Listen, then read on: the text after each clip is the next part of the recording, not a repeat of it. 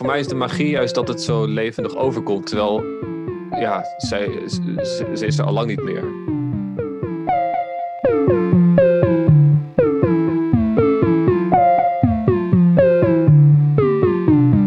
Hoi, ik ben Jobbe. En ik ben Mo. En wij zitten samen thuis omdat het crisis is. Ja, en dat is even wennen, want normaal zitten we op kantoor. Ik bij het Houten Huis, een jeugdtheatergezelschap in Groningen, waar ik de marketing en communicatie doe. En ik heb mijn eigen bedrijf One Day Artist en wij organiseren blikverruimende workshops in scholen en bedrijven. En onder andere kijk ik kunst met de jongeren in het museum. En dat kan nu niet, want we kunnen helemaal niet naar het museum. Nee, want we zitten thuis. Ja, precies. Maar we willen toch naar kunst blijven kijken, want wat ons betreft is dat eigenlijk gewoon een basisbehoefte. Ja, en daarom vragen we mensen om een kunstwerk uit te zoeken waar ze graag naar zouden willen kijken in deze rare en bizarre tijd. En gaan we met ze daarover in gesprek. En deze aflevering bellen we met Pelle Kuipers. Hij is muzikant en geeft muziekles. Hallo Pelle, Hallo. kun jij in het kort vertellen hoe het er nu bij jou om je heen uitziet?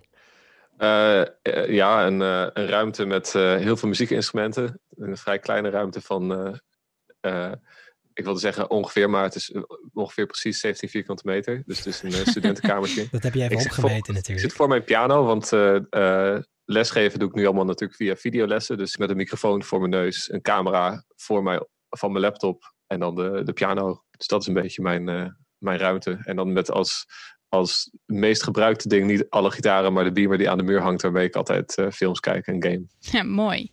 Eh, je had laatst Jobbe aan de telefoon en die vertelde jou dat we deze podcast aan het maken zijn. En toen zei hij meteen: Ik heb wel een werk dat ik graag met jullie wil bekijken.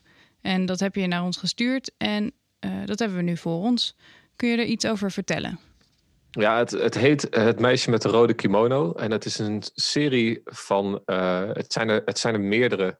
Eh, ik ben even natuurlijk heel goed de naam vergeten van de kunstenaar zelf, want ik ben heel goed in namen. Als ik het goed heb begrepen, is het Breitner. Ja, Breitner. Ik had Breit hart in mijn hoofd om een of andere reden. Maar goed, Eh, hij heeft een serie gemaakt of meerdere, van meerdere schilderijen van meisjes in een kimono. En dat, eh, dat meisje is Guusje Kwak, heette zij. En zij is dus altijd, heeft altijd model gestaan voor deze schilderijen. En ik heb deze zelf in het echt gezien. En het is een schilderij uit ongeveer 1900, 1910. Eh, toen ik daar langs liep, heb ik heel lang daar zitten staan kijken naar het schilderij. Omdat het, zij kijkt terug.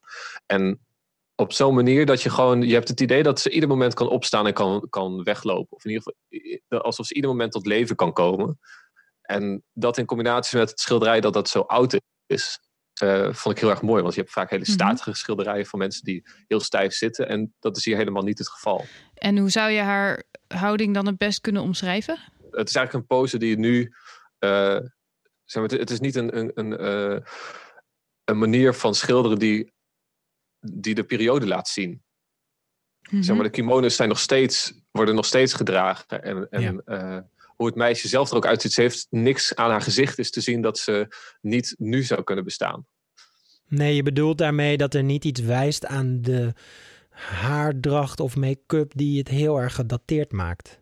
Nee, precies. En ik vond dat, dat heel erg gaaf. Dat het gewoon eh, ten opzichte van, je hebt natuurlijk foto's uit 1900, maar die zijn meestal zwart-wit en dat, dat voelt toch anders. En voor mij was dit juist een schilderij die het heel erg dichtbij liet komen. En wat ik juist, waardoor die zo ook bij mij zo bleef hangen. Oké, en waarom juist dit werk op dit moment? Ja, dat is een hele goede vraag. Ehm, eh, dat ze ligt en dat, en dat het qua kadering is het ook zeg maar, een soort van een beetje een opgesloten gevoel. Je hebt geen ruimte, je hebt geen wijdse achtergrond of wat dan ook. Wat dat betreft is het schilderij best wel plat eigenlijk. Zeg maar de, de muur wat er achter haar zit, zit eigenlijk vrij dicht op haar. Je bedoelt het Dus perspectief ook- van de kamer, eh, dat, Ja. het is, lijkt niet heel groot.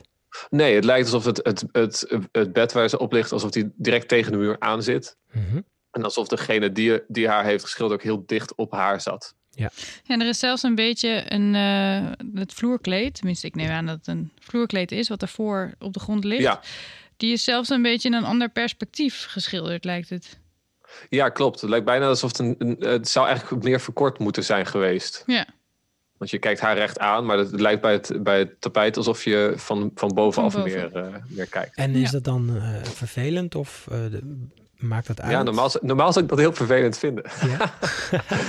Het is natuurlijk het patroon van haar kimono en het patroon van de, van de vloer, wat bijna een, meer een eh, textuur is dan dat het echt een eh, fysieke aanwezigheid heeft. Dus het perspectief doet er niet echt toe? Nou, het is, het is meer dat de twee dingen allebei een structuur hebben die zo dicht bij elkaar liggen dat het, dat het bijna één wordt. Ik kan het, als, ik het, als je zeg maar, door je oogharen kijkt, dan zie je één heel groot rood vlak. En dan valt die, het gele kussen en haar Mhm. hoofd, die, Ja. die, daar gaat je oog heel erg naartoe. Omdat het verder best wel monochroom is qua kleuren. Het zijn allemaal bruintinten en ro eh, roodtinten. Maar verder zit er niks wat daar uitspringt, behalve haar, eh, haar hoofd en haar armen en, en dat gele kussen. Inderdaad. Hey, ehm, even terug naar de vraag over hoe het zich verhoudt tot nu. Eh, je zei het voelt heel klein. Linkt dit aan jouw huissituatie? Oh, zeker. Ja. ja, ik vind het niet erg om klein te wonen. Maar dan is natuurlijk de, het voordeel van klein wonen is dat je verder heel mobiel bent en dat je de, de deur uit kan. En nu dat nu minder kan, het kan natuurlijk nog wel, maar je gaat het toch niet, eh, je gaat niet zo lukraak even de straat op. Mhm. Eh, dan komen de muren toch wel wat meer op je af. Ja. Terwijl ze eigenlijk best ontspannen daar ligt. Dus het lijkt niet alsof zij echt de muren op haar af heeft. Nee, klopt inderdaad. Nee, dat, dat is dan wel weer zo. Maar ze kijkt ook wel een beetje verdrietig, lijkt het. Tenminste, dat idee heb ik. Waaraan kun je zien dat het verdrietig is? Voor mij zou ze net zo goed bijvoorbeeld wat verveeld kunnen zijn of zo. Ja, eh, ehm, ik denk dat het voor mij in ieder geval ligt aan dat ze de, de hand zo bij haar hoofd, bij haar oog heeft. Ja, het is net een iets, iets minder ontspannen houding dan je zou verwachten. Ja. Ja, wij, ja. Een soort teleurstelling. ja, een beetje teleurgesteld. Misschien ja. is dat een mooier woord dan echt verdrietig, hè? Zo van, ah, internet doet het niet. Ah, de film was Domme. echt crap. ja, het is Ja, een, precies. een mooi helder eh, contrast in ieder geval. Hoe haar, ehm, want ook haar haar heeft diezelfde roodtinten en daardoor popt echt letterlijk haar, haar hoofd, haar gezicht en die handen poppen er echt uit, hè? Ja, en het is ook het enige, haar gezicht en het kussen zijn de enige dingen die geen eh, patroon erop hebben. Haar Ja. kimono heeft een dik patroon erop zitten. Het eh, tapijt heeft ook een heel aanwezig patroon. Zelfs het- de zijkant van het bed heeft een patroon. Mhm. Eh, en dan dat geel is bijna helemaal vlak op een paar, schaduw, eh, de paar schaduwplekken na. En dat maakt natuurlijk ook dat je automatisch daar naartoe gaat kijken. Wat me ook wel opvalt is dat de, de details die aan de, bijvoorbeeld in het vloerkleed behoorlijk aanwezig zijn en in de kimo- kimono ook. Maar op de achtergrond lijkt het, een beetje onduidelijk of er misschien eh, planten zijn of dat het een print zou zijn die op de muur is. Het grappige is dat het daar ook nog wel vrij ruige vegen... Ja. Ja, en ook aan de linkerkant heb je dat ook eh, tussen het kleed en de kimono ook. En ook daar, eh, daar vlak boven, dat er gewoon, er is gewoon groen geschilderd, maar gewoon niks definitiefs. Het is Mhm. gewoon, er, er is daar iets van schaduw. En je wil niet dat, het, dat de, de blik naar links gaat, maar naar rechts. Dus is dat gewoon best wel slordig geschilderd. Terwijl de rechterkant is heel netjes afgewerkt. Ja. Helemaal van, van, van boven naar onderen. Denk je dat dat bijdraagt dat we daarom ook liever die kant op kijken? Of denk je dat... Ja, het is, het is een combinatie van al die dingen. Dat je, dat je de kleuren hebt die, die je laten richten op dat rechts naar boven. Dat, dat het detail daar ook zit. En natuurlijk ook haar ogen. Want ja, als mens ben je altijd gericht op ogen van andere mensen. En het is best wel grof geschilderd eigenlijk. En eh, ik denk dat dat ook een beetje meehelpt dat het zo ambivalent is hoe ze eigenlijk kijkt. Of ze nou boos kijkt of verdrietig kijkt. Want eh, eh, het is letterlijk niet gedefinieerd door de schilder. Hm. Terwijl in mijn herinnering toen ik er langs liep, was het een hele intense blik en bleef ik daarom staan. En ik vind dat, dat is voor mij ook eh, tof aan dit schilderij. Je hebt natuurlijk heel veel schil- schilderijen van een portret van iemand die dan net erlangs kijkt. Dus die net naar Mhm. links kijkt of net naar rechts kijkt, ergens in de verte. En dan zo'n statig portret van iemand die eh, bijna alsof of jouw, jouw, jouw aanwezigheid is het niet waard, eh, is de aandacht niet waard. Ja. Terwijl hier heb je juist tegenovergestelde. Zij ligt en ze, en ze kijkt recht naar degene die het schilderij bekijkt. En ik vind dat ook, eh, in mijn ogen is dat in ieder geval een best wel modern iets. Dat je dus de aanwezigheid van, de, van diegene ziet. Maakt het voor jou ook uit dat het, eh, want eerder had je het over dat het gedateerd, eh, eigenlijk niet gedateerd is juist. Ehm, eh, en toch benadruk je eigenlijk meerdere keren ook dat het in rond 1900 gemaakt is. Maakt het voor jou uit wanneer het gemaakt is? Ja, voor mij is de magie juist dat het zo levendig overkomt. Terwijl, ja, zij, ze, is er al lang niet meer. dat, dat vind ik de meerwaarde van zo'n schilderij ten opzichte van een foto. Bij een foto kun je soort van, soort van wel bedenken dat het zo is.